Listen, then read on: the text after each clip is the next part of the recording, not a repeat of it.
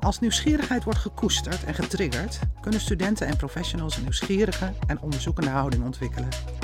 Daar kwamen we op uit in de vorige aflevering. Deze aflevering willen we weten hoe bewust we ons eigenlijk zijn van dit menselijk kapitaal. Op grond waarvan maken jongeren studiekeuzes en hoe leid je ze op voor beroepen die nu nog niet bestaan. Welkom bij Blijf Nieuwsgierig, een podcastserie van Gilde Opleidingen vol vragen over nieuwsgierigheid in het onderwijs. Wij, Janske Kasteleins en Helene Jonge, gaan samen op zoek. Dit is aflevering 3, Nut of Nonsens. In de studio ontmoeten we DJ Fouage. Mijn naam is uh, Didier Fouage. Ik ben uh, hoogleraar aan de Universiteit Maastricht. Uh, hoogleraar op het terrein van de arbeidsmarkt. En ik doe onderzoek naar beroep- en studiekeuze van jongeren, onder andere. En we maken ook arbeidsmarktramingen, voorspellingen voor de ontwikkeling van arbeid in Nederland. Um, ik ben econoom van, uh, van huis en ik ben naast hoogleraar ook directeur van het Research Centrum voor Onderwijs en Arbeidsmarkt. Dat is een hele grote vakgroep van de faculteit Economie van de School of Business and Economics, waar wij allemaal onderzoek doen op het terrein van educatie en arbeidsmarkt en met name de connectie tussen de twee. Je hoort het vast. DJ is een Franstalige Belg, een frisse vijftiger die in 1994 naar Nederland verhuisde. Met zijn team maakt hij ramingen en voorspellingen over de ontwikkeling van arbeid in Nederland en onderzoekt hij het proces van studiekeuzes van jongeren. DJ is sterk gefocust op de verbinding van wetenschap en maatschappij. Hij wil de markt, beleidsmakers, UWV informeren over nieuwe inzichten en het gebruik ervan stimuleren. Zelf maakte DJ als tiener uiteindelijk een pragmatische studiekeuze. Hoewel hij in eerste instantie veel interesse had in het fotovakschool, zelf cameraatjes bouwde en zijn films ontwikkelde, koos hij toch voor de wetenschap. DJ vertelt hoe bij hem dat vuurtje werd aangewakkerd. Er zijn veel dingen die je. Voor veel mensen klinkt economie best wel saai. En misschien is dat ook voor een deel saai, maar voor mij niet. Er zijn nog steeds veel dingen die je niet zo goed snapt. gisteren gaf ik een interview voor de NOS. En hun vraag is: hoe komt de krapte van nu? Zeg maar? Waar komt die vandaan? En voor een deel kun je dat wel verklaren waar het vandaan komt, maar voor een deel ook weer niet. Dat is ook even uitzoeken van hoe kun je, hoe kun je de stukjes van de puzzel bij elkaar laten steken. En in de loop van mijn uh, carrière heb ik me steeds meer bezig gehouden van hoe, hoe verloopt dan de transitie. Je leert dingen op school, je leert dingen thuis, je leert dingen op school en dan ga je keuzes maken die impact kunnen hebben op je leven, een studie kiezen, een beroep kiezen. Maar hoe verloopt dat en hoe kun je ervoor zorgen, of kan ik ervoor zorgen met mijn kennis als econoom? ik ben geen psycholoog, dus ik kan geen psychologische ondersteuning geven aan de studiekiezer. Maar hoe kan ik als econoom bijdragen dat jongens en meisjes keuzes maken die ze beter op pad sturen uh, in, hun, in hun carrière. En die, die, zeg maar, dat is de nieuwsgierigheid van de onderzoeker om telkens ja, de verdieping te gaan zoeken in, in, in keuzeprocessen of in economische processen waar je uh, ja, misschien nog niet heel alles van begrijpt en je wil daar jouw steentje aan bijdragen. Ja, dat. Hè? Er zit een drive om, om inderdaad uh, iets te kunnen doen ook. Niet alleen maar het onderzoeken zelf, maar ook de impact van dat onderzoek. Ja, dat zijn twee, twee verschillende dingen. de, de, de pure wetenschap van de oorsprong is ge, geïnteresseerd in de wetenschap eh, aan zich? Aan zich, voor de sake of it. Want dat, dat vind ik ook leuk. Maar dat andere, zeg maar, de vertaalslag van wat kun je dan met hetgeen wat je, wat je, wat je onderzoekt, kun je dat ook, die kennis overbrengen bij beleidsmakers, bij studiekiezers in mijn, in mijn geval, kun je de, de markt als geheel informeren over de, de zaken die jij ontdekte, bij wijze van spreken, waar je, waar je onderzoek naar doet. En, en dat proberen dat ook over te brengen aan anderen, zodat het ook gebruikt wordt. Dat vind ik een heel, belangrijk aspect van de, een belangrijke taak van de wetenschapper. Ja. En dat wordt niet door iedereen gedaan, hè, maar, maar vind ik wel voor mezelf. Ja. Dat is ook wat mij, dus het, het kunnen verbinden van wetenschappelijk inzicht aan wat je er maatschappelijk mee kunt doen, vind ik een heel belangrijke drijfveer voor mijn, uh, mijn eigen werk. Kun je bepaalde uh, in jouw uh, uh, lange loopbaan inmiddels, hebben veel onderzoek van jou, kun je een Eureka-moment bedoelen dat je dacht, wauw, dat, hè, nou snap ik het eindelijk, of dat, die zag ik niet aankomen? Of... Ik, ik weet niet of een Eureka-moment is, maar uh, ik zal even een beetje context geven. Dus een, met, een, met een team bij ons zijn we bezig met het ontwikkelen van arbeidsmarktprognoses. En wij mhm. proberen een doorkijk te geven voor de economie van de komende zes jaar. Dat is best wel moeilijk. Zes? Zes jaar, ja. ja zes jaar vooruit. Want dat duurt ongeveer vijf, zes jaar voordat je klaar bent met je mhm. opleiding. En de gedachte is altijd geweest, ook van mijn collega's die ooit begonnen zijn met dat project. Je wil de markt informeren over, nou zo gaat de arbeidsmarkt naartoe. We willen die informatie geven zodat jongens en meisjes betere keuzes kunnen maken. Mhm.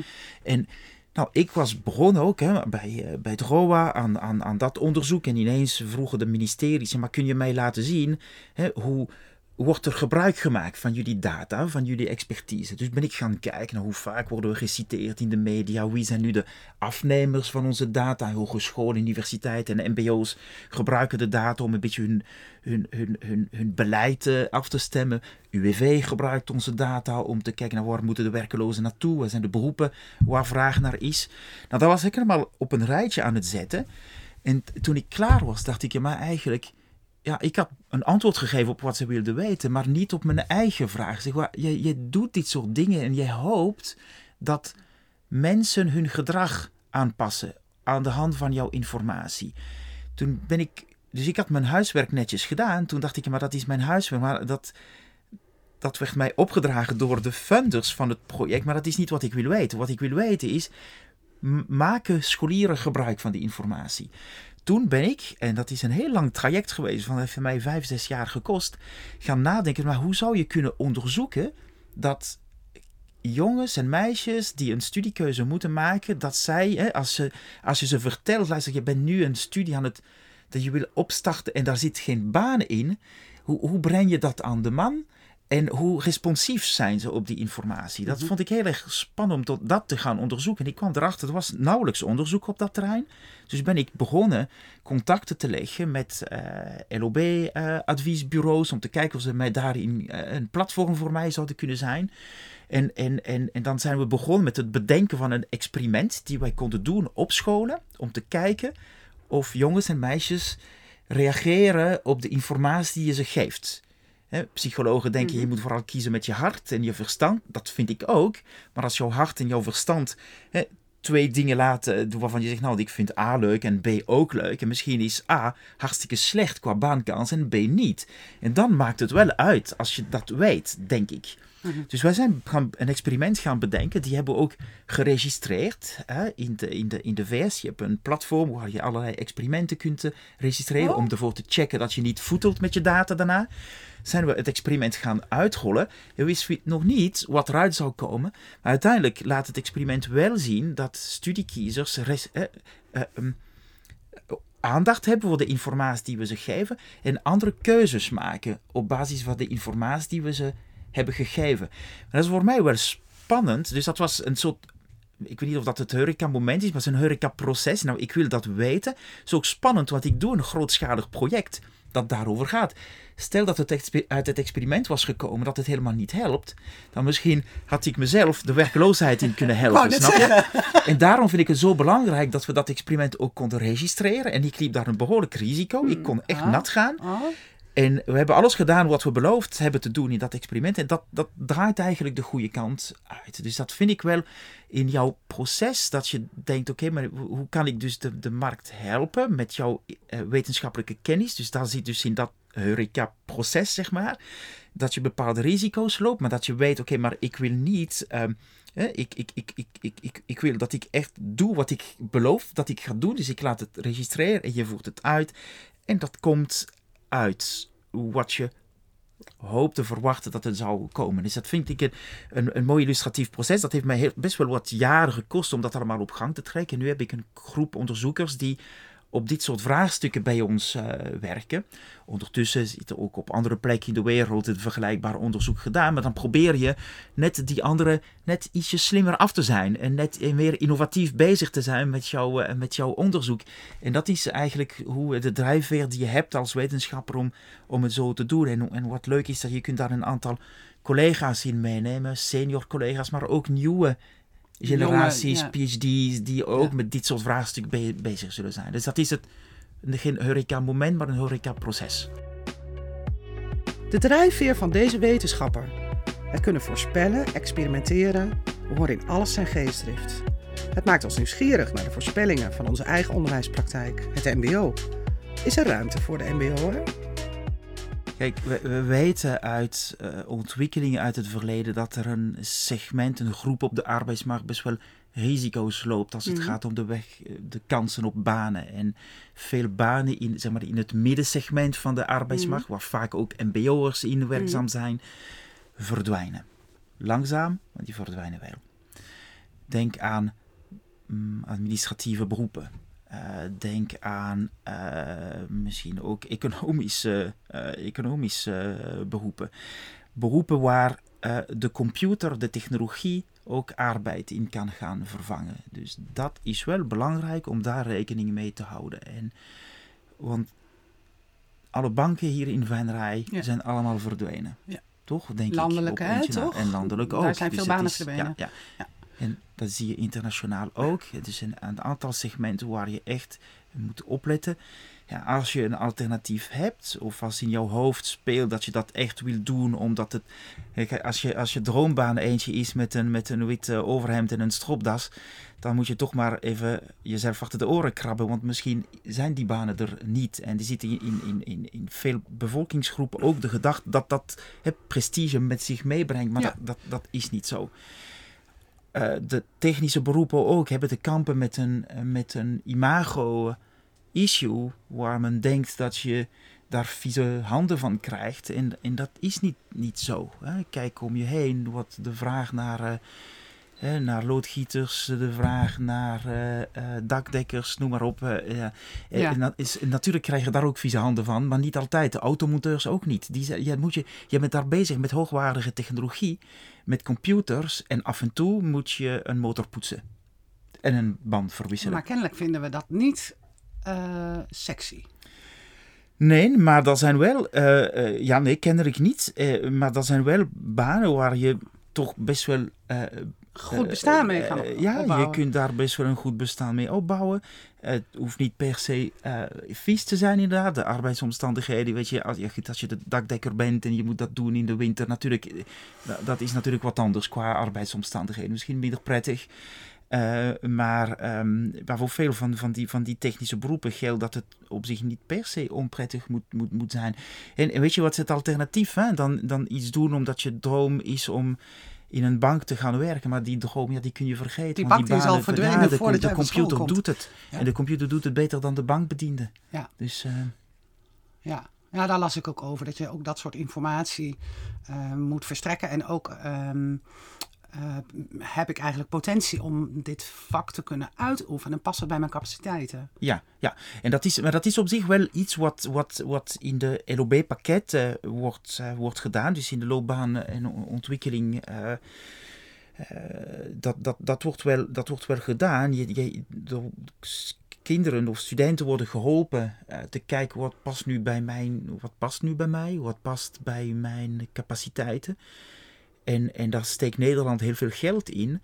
Eh, in al die pakketten, zeg maar, arbeidsmarkt is daar geen onderdeel van uit. Dat ben ik nu met mijn onderzoek daar wel aan het infrotten om te kijken of het, of het helpt.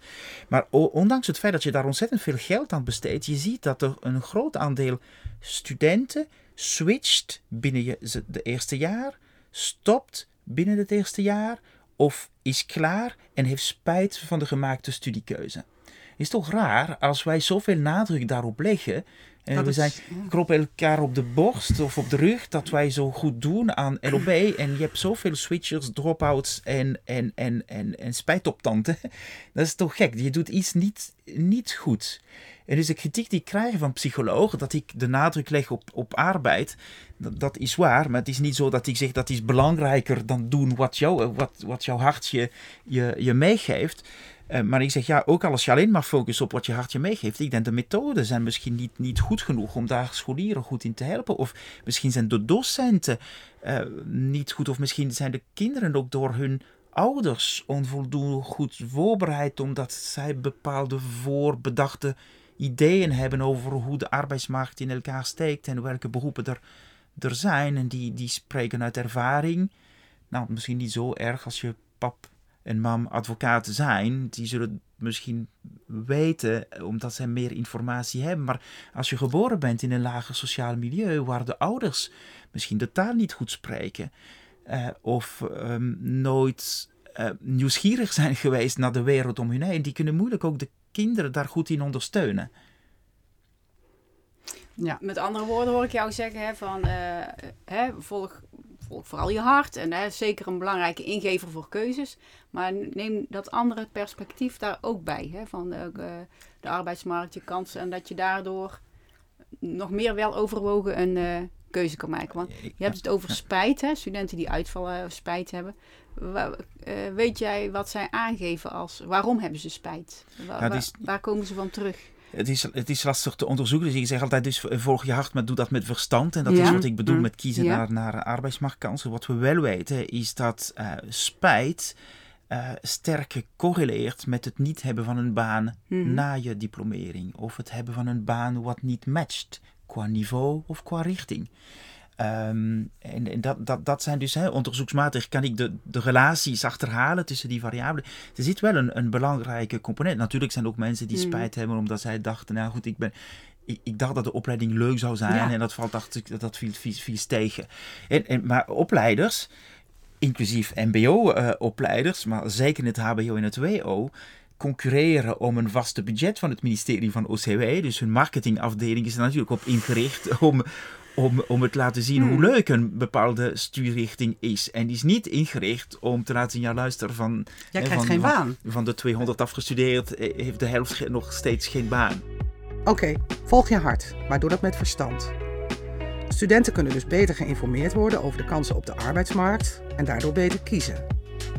We leggen DJ het volgende voor. Dienen we volgens hem nog vaklui op te leiden of beter generalisten met toekomstbestendige vaardigheden? Ja, kijk, er zijn een aantal algemene vaardigheden waarvan wij zien op de arbeidsmarkt dat zij steeds belangrijker aan het worden zijn. En dat zijn communicatieve vaardigheden, probleemoplossend vermogen of creativiteit, hoe je het wil noemen. Mhm. Met name de combinatie van die twee mhm. vaardigheden. Hoe hoger je een beroep daarop scoort, zeg maar communicatief en, en probleemoplossend, hoe groter de werkgelegenheidsgroei is geweest de afgelopen 25 jaar, hoe groter, hoe beter de kansen zijn de komende zes jaar, hoe beter de beloningen zijn de komende zes jaar. Dat is iets wat je ziet. En zijn vaardigheden waarvan je zou kunnen zeggen, die zijn best wel algemeen. Dat eh, geldt ongeacht opleidingsniveau. Ja, en het is wel goed dat je dat vraagt, want die mm. komen van het MBO en in eerder onderzoek hebben we gekeken, ja, misschien is dat omdat de hoogopgeleide hoger scoren op communicatieve vaardigheden of, of op probleemoplossend vermogen. Gemiddeld genomen is dat zo, maar als ik alleen kijk naar de arbeidsmarkt van MBO-beroepen, dan vind ik exact datzelfde patroon. Dus de beroepen waar veel MBO'ers in werken en die gegroeid zijn, zijn typisch beroepen waar die hoog scoren op creativiteit, probleemoplossend vermogen en communicatie. Dus ik denk dat je daar iets aan moet doen in je mhm. opleiding. Dat betekent niet dat je de maandagochtend met een klas communiceren moet beginnen of een klas uh, uh, klassikale problemen oplossen. Maar je kunt wel die aspecten van die vaardigheden meenemen in je onderwijsmethode. En die setting, daar hoort En de setting daaromheen doen. Want de vakvaardigheden zijn wel belangrijk. Misschien niet het tellen van bankbiljetten, want we hebben gezien dat er machines daarvoor zijn. Dat het geldt voor hele andere beroepen. Maar uh, andere vakspecifieke vaardigheden zullen ook wel belangrijk zijn en, en blijven de komende jaar. Alleen de natuur van die vaardigheden kan wel degelijk gaan veranderen. Uh, omdat de technologie verandert eh, we zitten nu in een fraaie studio. Vroeger hadden we dat misschien ehm, gedaan op een cassette-tape. hè? En dan had je daar in die cassette-tape moeten zitten knippen plakken. Nou, we hebben nu andere technologie. Dat betekent dat uh, onze audiomonteur vandaag in de studio ook dingen moet gaan, andere dingen moet kunnen doen dan 10, 20 jaar geleden hmm. het geval was. En daarom moet je dat blijven, blijven leren. Um, hoe zit, uh, om toch even terug naar nieuwsgierigheid, hoe zit nieuwsgierigheid in die uh, generieke competentie van probleemoplossend vermogen, creativiteit. Ja. Kun je daar iets over zeggen? Ja, ja kijk, ik, ik, creativiteit en nieuwsgierigheid zijn zaken die bij elkaar. Nieuwsgierigheid is een van de onderdelen die je nodig hebt om creatief te zijn. Dus zo, zo, zo, zo steekt het ongeveer mhm. in elkaar. En dus dat is ook de plek van nieuwsgierigheid. En de, de nieuwsgierigheid die heb je die heb je denk ik wel nodig. Of de creativiteit, of in ieder geval een van de twee, of de twee componenten. Die heb je wel nodig om, uh, omdat de wereld om je heen verandert. En als je dat niet hebt, en de arbeidsmarkt verandert, maar ook de wereld in het algemeen. Hè? En als je dat niet hebt, dan, dan zul je nooit weten uitzoeken hoe nieuwe apparaturen in huis werken. Of hoe je telefoon functioneert. Of, uh, en, en dus dat, dat, dat is denk ik wel belangrijk dat je daar iets aan, aan, aan doet. En dat je dat ook probeert te ontwikkelen.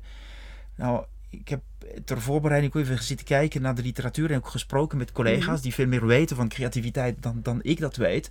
En, en voor zover ik het vat op heb, is creativiteit heeft een, een deel wat je meekrijgt vanuit jouw ouders, vanuit je mhm. opvoeding, uh, ja, vanuit jouw, jouw, jouw, setting. Hè? En dat, dat, sommigen hebben daar een grotere stok van gekregen van creativiteit dan anderen. Maar het is ook wel iets wat je wel kunt trainen.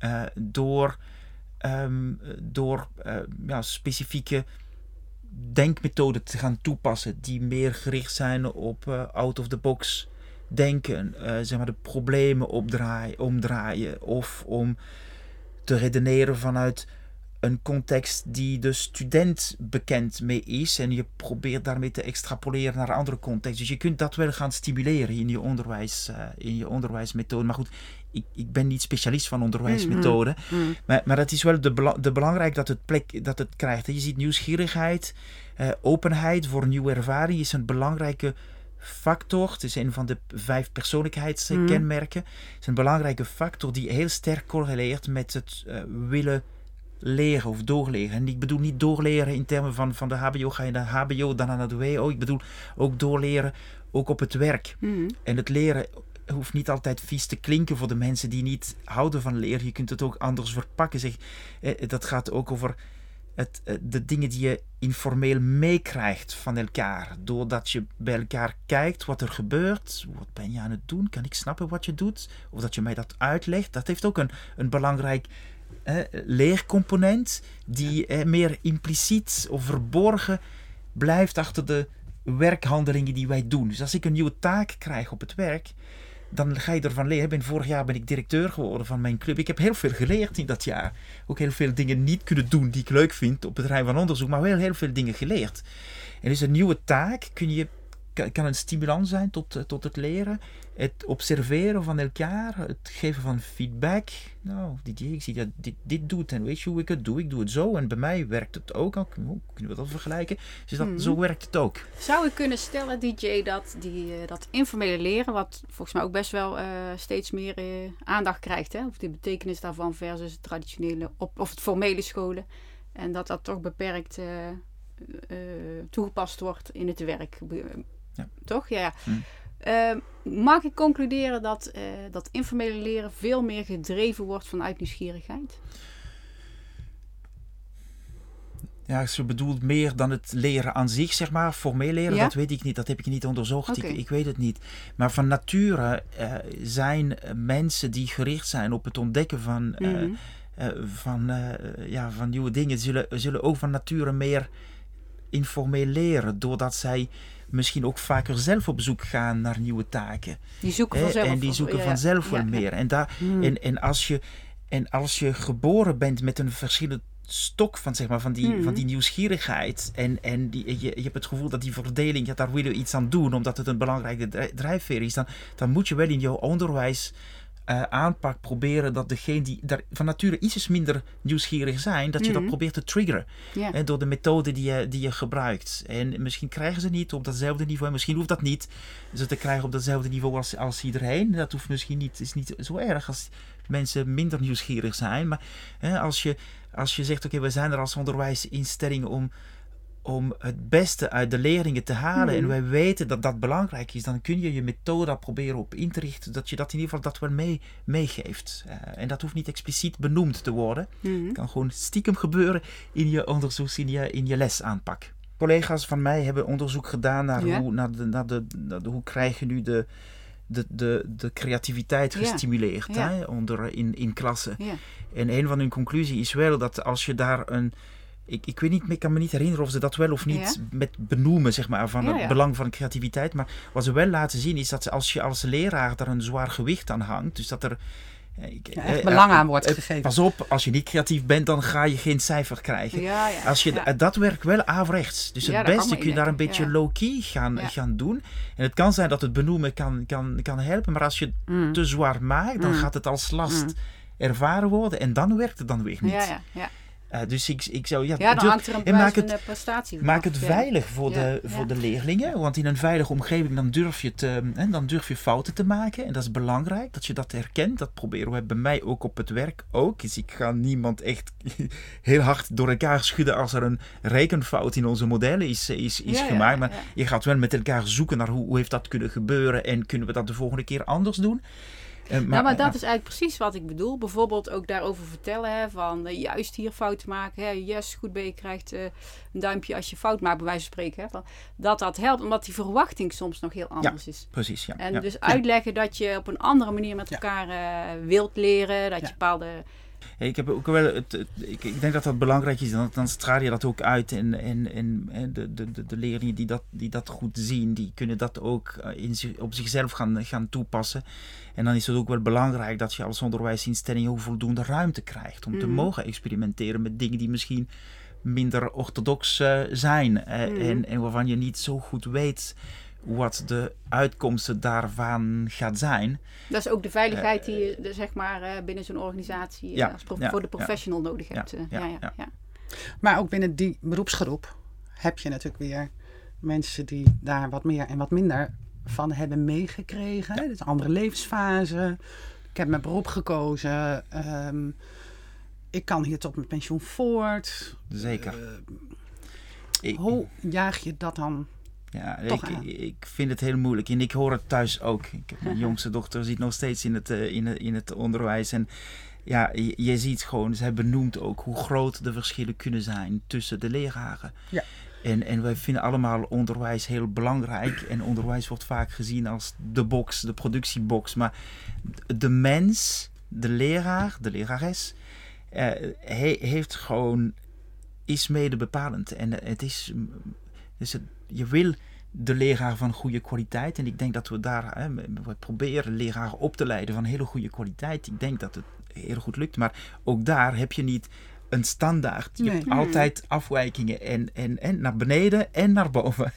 alle, alle tweede kan je. Ja, maar ook naar de, ik denk en, ook in de, in de... En dan in de levensfase kan er ook dingen veranderen. Het is een best wel pittig beroep, denk ik. Hè? Zeker als je dat voor 35 jaar lang hebt gedaan en je komt je pensioen. Je ziet, je hebt meerdere generaties studenten meegemaakt en je ziet ook hoe de studenten van tien jaar geleden is waren anders dan de studenten van nu. Maar dat, het is misschien impliciet wel aan de orde gekomen hoor. Uh, we hadden. Um, is nieuwsgierigheid een vorm van menselijk kapitaal? Wij hebben eh, eigenlijk wel, hè? Eigenlijk zeg je, ja, het wordt zo belangrijk in beroepen. Je moet daar aandacht aan besteden. Dus creativiteit is een aspect van het menselijk kapitaal. En het helpt je eh, sowieso ook verdere mensenkapitaal op te bouwen. En we weten dat er, uh, een, daar hebben we straks wel een klein beetje over gehad. Hè. Als ik kijk naar de, je hebt die, die, de, de big five van de mm, persoonlijkheidskenmerk. Nou, één daarvan is openheid. Dat, dat raakt aan creativiteit, aan, aan, aan, aan nieuwe dingen willen leren. We weten uit onderzoek dat dat sterk uh, correleert of verband houdt met je opleidingsniveau, je behaalde opleidingsniveau, maar ook je bereidheid en jouw feitelijke deelname in leeractiviteit. Of het nu formeel leren, zeg maar, opnieuw een cursusje doen hmm. eh, eh, later in je loopbaan, of uh, informeel, leren door, informeel leren door te doen of dat te delen met, met collega's. Dus ik, ik, ik, in mijn ogen, zo, althans zo benaderen wij dat. Hè, dus het menselijk kapitaal is niet alleen een, een, een signaal dat uitgaat van een opleidingsniveau. Dat is een hele, hè, er zit een hele proces aan, aan, daaraan voorafgaand. Die heeft eh, geleid tot dat niveau en, en al die skills die je daarin hebt geleerd. En, dat zijn... die hebben we eigenlijk steeds meer nodig. Want je zegt, ja. we gaan steeds meer naar complexe probleemoplossende taken. Ja, het goed, de technologie kan de eenvoudige taak, taak opnemen. Dus de rest wat er overblijft is wat de computer op dit moment nog niet kan oplossen. Ja. Uh, dus dat is vaak inderdaad wat dat vraagt in ieder geval menselijke interacties en dat vraagt uh, creativiteit voor het zoeken van de, van de oplossingen. Ja. En dan zat ik ook nog met. maar, ja, misschien gaan we rond hoor, maar ik vind het. Ehm, interessant. Gooi maar in. ja.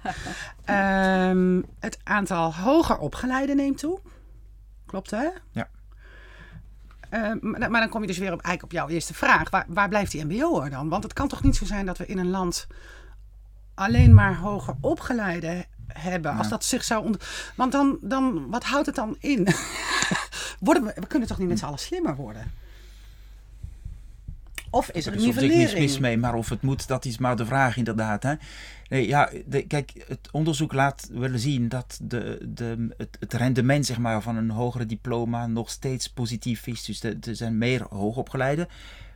Maar die en, sorry, er zijn meer uh, hoogopgeleiden en hun loon gaat nog steeds omhoog. Dus dat betekent dat er nog niet een overaanbod is van hoogopgeleiden. Maar om daarvan af te leiden dat je dan geen mbo'ers meer nodig hebt, dat vind ik wel een, beetje zwart Maar is, als je de lijn zou doortrekken, uh, maar ik denk, hoe, ja, is het dan zo dat we slimmer worden? Of worden we creatiever? Ik doe geen onderzoek naar de lange termijn, naar de, naar de, de, de, zeg maar, je moet dan, dan mensen vragen die vanuit de psychologie onderzoek doen naar. Dat je maakt een veronderstelling, is dat de hoogopgeleide is slimmer. Dat kan kloppen, hè? Dat kan kloppen. Dat is de vraag, maar dat is niet altijd zo. Je zijn ook hele slimme MBO'ers. En je ziet het ook als je kijkt naar de, naar de verdeling van de MBO'ers op de arbeidsmarkt. En je zou alle beroepen naar loon rangschikken. Hè? Ja. Uh, en dan kijk je waar zitten de MBO'ers verdeeld. En die zitten uiteraard meer in het midden van de loonverdelingen. Want mm. onderaan heb je de ongeschoolde en bovenaan veel WO-gediplomeerden. Uh, Maar je hebt ook MBO'ers die in ontzettend mooie beroepen terechtkomen. Op de mm-hmm. een of andere manier. Die zijn uh, slimme gasten. Ja. Die hebben toch wel weten te maken in, in beroepen waar heel veel um, uh, in te verdienen is. Ja. Maar dat, dat lukt niet altijd. Hè? En, nee. en, en, en kijk, ik, ik vind het altijd wel mooi. Kijk, je hebt een, een, een ontzettend goede MBO'er die graag voor de, voor, de, voor de sportopleiding zou willen gaan. En die heeft de droombaan als, uh, als uh, topvoetballer. Nou, je kunt ontzettend veel verdienen. Maar de kans dat je dat wordt is natuurlijk minimaal. En dus die, die, die zijn er wel. Hè? En, eh, en, en ik denk, goed, een voetballer is dat een vakman, dat weet ik niet. Maar er zijn, er zijn heel veel vakmensen die nog steeds nodig zijn. Je ziet het nu ook in de, in de bouw, schrijft men om, om, om arbeid. Uh, er zijn ook andere sectoren waar men om, om ja. veel, veel schreeuwt om, om, om, om vakmensen. Uh, dus ik denk dat er nog wel degelijk een toekomst is voor de, voor de vakmensen. Ik denk wel dat de vakmens van de toekomst eentje is die bereid moet zijn om, om niet te stoppen met leren op het moment dat hij zijn diploma heeft behaald, omdat ja. uh, de lastechnologie verandert. En dus als lasser moet je niet alleen een, een, een vlammetje kunnen opsteken die, uh, uit een gasfles. Maar je moet ook een computer kunnen aansturen en, de, en, en die error message van, van, van de computer kunnen, kunnen snappen. Want anders heb je iemand anders die moet worden ingevlogen om jouw problemen, of zeg maar, jouw, jouw, jouw lasapparatuur uh, op te lossen. Dus dat vraagt dus de, de vakmens is er nog steeds. En, die, en, eh, maar die, de vakmens moet ook wat rijker worden. Die moet ook die andere vaardigheden ook in zich hebben om te kunnen nadenken, wat, wat is nu aan de hand met mijn computer? Of met mijn lasmachine. Ja. Het zou interessant zijn om over een pak een beetje 20 jaar eens te kijken wat dit verhaal of deze ontwikkeling betekend heeft voor uh, is er nog een, uh, zoiets als MBO, HBO, uh, WO? Yeah. Of wat je ziet is een het, diploma dan nog? Je ziet het verschuiven in de, als je, de, als je mijn oratie hebt gekeken, voor een van die eerste plaatjes in mijn oratie is hoe de arbeidsmarkt is verschoven in termen van de samenstelling van de diploma-distributie. Je hebt mhm. steeds minder laag eh, ongeschoolde arbeid. Mhm. Dat is het prachtig, MBO natuurlijk. Is, ja, dat is een goede ontwikkeling. Het MBO is eigenlijk nauwelijks veranderd mhm. qua omvang. En het stukje HBO plus, zeg maar, is gegroeid qua in de, in, in, in de verdeling. Dus er zit een, een, een enorm segment van de arbeidsmarkt wordt bestuurd door MBO-gediplomeerden. Dus dat is, uh, ja. Maar we zien wel dat binnen het MBO bepaalde banen onder druk staan. En dat is waar wij hmm. zeg maar, dit gesprek mee, mee begonnen. Omdat de taken die daarin worden gedaan gewoon geautomatiseerd kunnen worden. Dan heb je de mensen niet meer nodig, want de machine doet het. Hmm. En foutloos ook. Ja. Hmm. Doorgaans foutloos. We spraken al even over informeel leren. Kun je dat koppelen aan de veranderingen die er gaande zijn? Hebben ze implicaties voor het leren? Ik weet nog de Mhm. eerste keer dat ik bij jullie was. Had ik zo'n mooie grafiek hè, waarin ik liet zien wat. eh, ik probeer jullie ook een beetje te, te prikkelen, zeg maar, Mhm. door een prikje uit te delen. Eh, dat het, het, het percentage tijd die we besteden Mhm. aan, aan leren, hè, die eh, delen, dingen leer je formeel op school of via, via cursussen en deel- dingen leer je door te doen. En daar hebben we het over gehad. Hè, en die, en dat, dat is ruim 90%, Ja. geloof 92% van wat je leert, leer je informeel. Leer je door te doen, door je collega's. Helemaal niet op school. Bepaalde dingen leer je wel op school. Rekenen bijvoorbeeld is zo'n typisch voorbeeld van een vaardigheid waarvan als je het aan mensen vraagt, waar heb je dat geleerd? Nou, niet iedereen, maar nagenoeg iedereen. Ja, maar het leren, dat heb ik echt op, eh, op school geleerd. En al die andere vaardigheden, en voor een Thuis belangrijk deel... En... Ja, en natuurlijk leer je lezen ook voor een groot deel op school, maar leren communiceren, dat leer je ook door te zien hoe anderen met jou communiceren. Of leren van een technologie. Nou, daar heel veel hebben wij in twee jaar COVID leren werken met technologie op een manier dat niet gebeurd was als we de COVID niet hadden gehad. Eh, online vergaderen, eh, je computer, je telefoon gebruiken om toch contacten te leggen met. eh, dus heel veel van wat wij doen leren wij informeel. En dus dat is zeg maar het belang daarvan. Ehm, is, gigantisch. goed om te, om, te begrijpen, of om te begrijpen. En jullie passen dat ook toe hè, in het MBO. Want jullie sturen de, de, de, de, de kids op, op stage in bedrijven. En daar gaan ze ook leren Ja. over wat het vak precies inhoudt. Ja. En alleen die, dat is onderdeel van jullie curriculum. Maar ik denk wel wat ze daar leren is, is echt toepassen van wat zij Mhm. in de klas hebben, Ja, ja, ja. hebben, meegekregen. En dat is hartstikke belangrijk. DJ, mogen we jou hartelijk danken voor eh, dit enorm boeiende gesprek. Wat eh, nog meer nieuwe vragen oproept, maar eh, heel verrijkend is. Voor mij althans. Eh, Ja, absoluut. Ja. Nou, graag gedaan. Ja, heel erg bedankt. Het gesprek zit erop. De zoektocht is in volle gang. Het dringt tot ons door hoe de arbeidsmarkt aan het veranderen is en daarmee onze beroepen. Nieuwsgierigheid blijkt alles behalve nonsens te zijn voor het onderwijs. In de studio babbelen we na. Janske, wat een eh, boeiend gesprek. Ik vond dat hij heel mooi neerzet hoe creativiteit en openheid eh, heel erg van belang gaan worden in de toekomst. Wat vond jij? Ja, absoluut. Wat, wat mij denk ik toch het meest nog bijblijft wel, is eh, ondanks wat allemaal overgenomen kan gaan worden of wat verandert in de, in de beroepen en eh, in de skills, zeg maar. Maar dat die interactie en die proble- probleemoplossende vaardigheden, dat, ja, daar kan geen computer tegenop. Dus, eh, Nee. En dat maakt hij heel mooi duidelijk. ja, ja, absoluut. Dit was aflevering 3 van Blijf Nieuwsgierig. In de volgende aflevering duiken we in de werking van het nieuwsgierige brein met Lieke van Lieshout en Hein Heijen. En wat je vaak ziet als het eh, gaat over eh, mensen leren bijvoorbeeld beter op het moment dat ze nieuwsgierig zijn naar iets. En dat dan ook echt de koppeling tussen dat dopaminesysteem en de hippocampus waar je geheugen zit, of eigenlijk, eh, ja, eigenlijk dingen die je opslaat. ehm, dat die koppeling een stuk sterker wordt op het moment dat je nieuwsgieriger bent. Deze podcast werd gemaakt door ons, Janske Kasteleins en Helene de Jonge voor Gilde Opleidingen. Eindproductie was in handen van Willem van Vullings Media. Speciale dank deze aflevering voor onze gast DJ Voorage.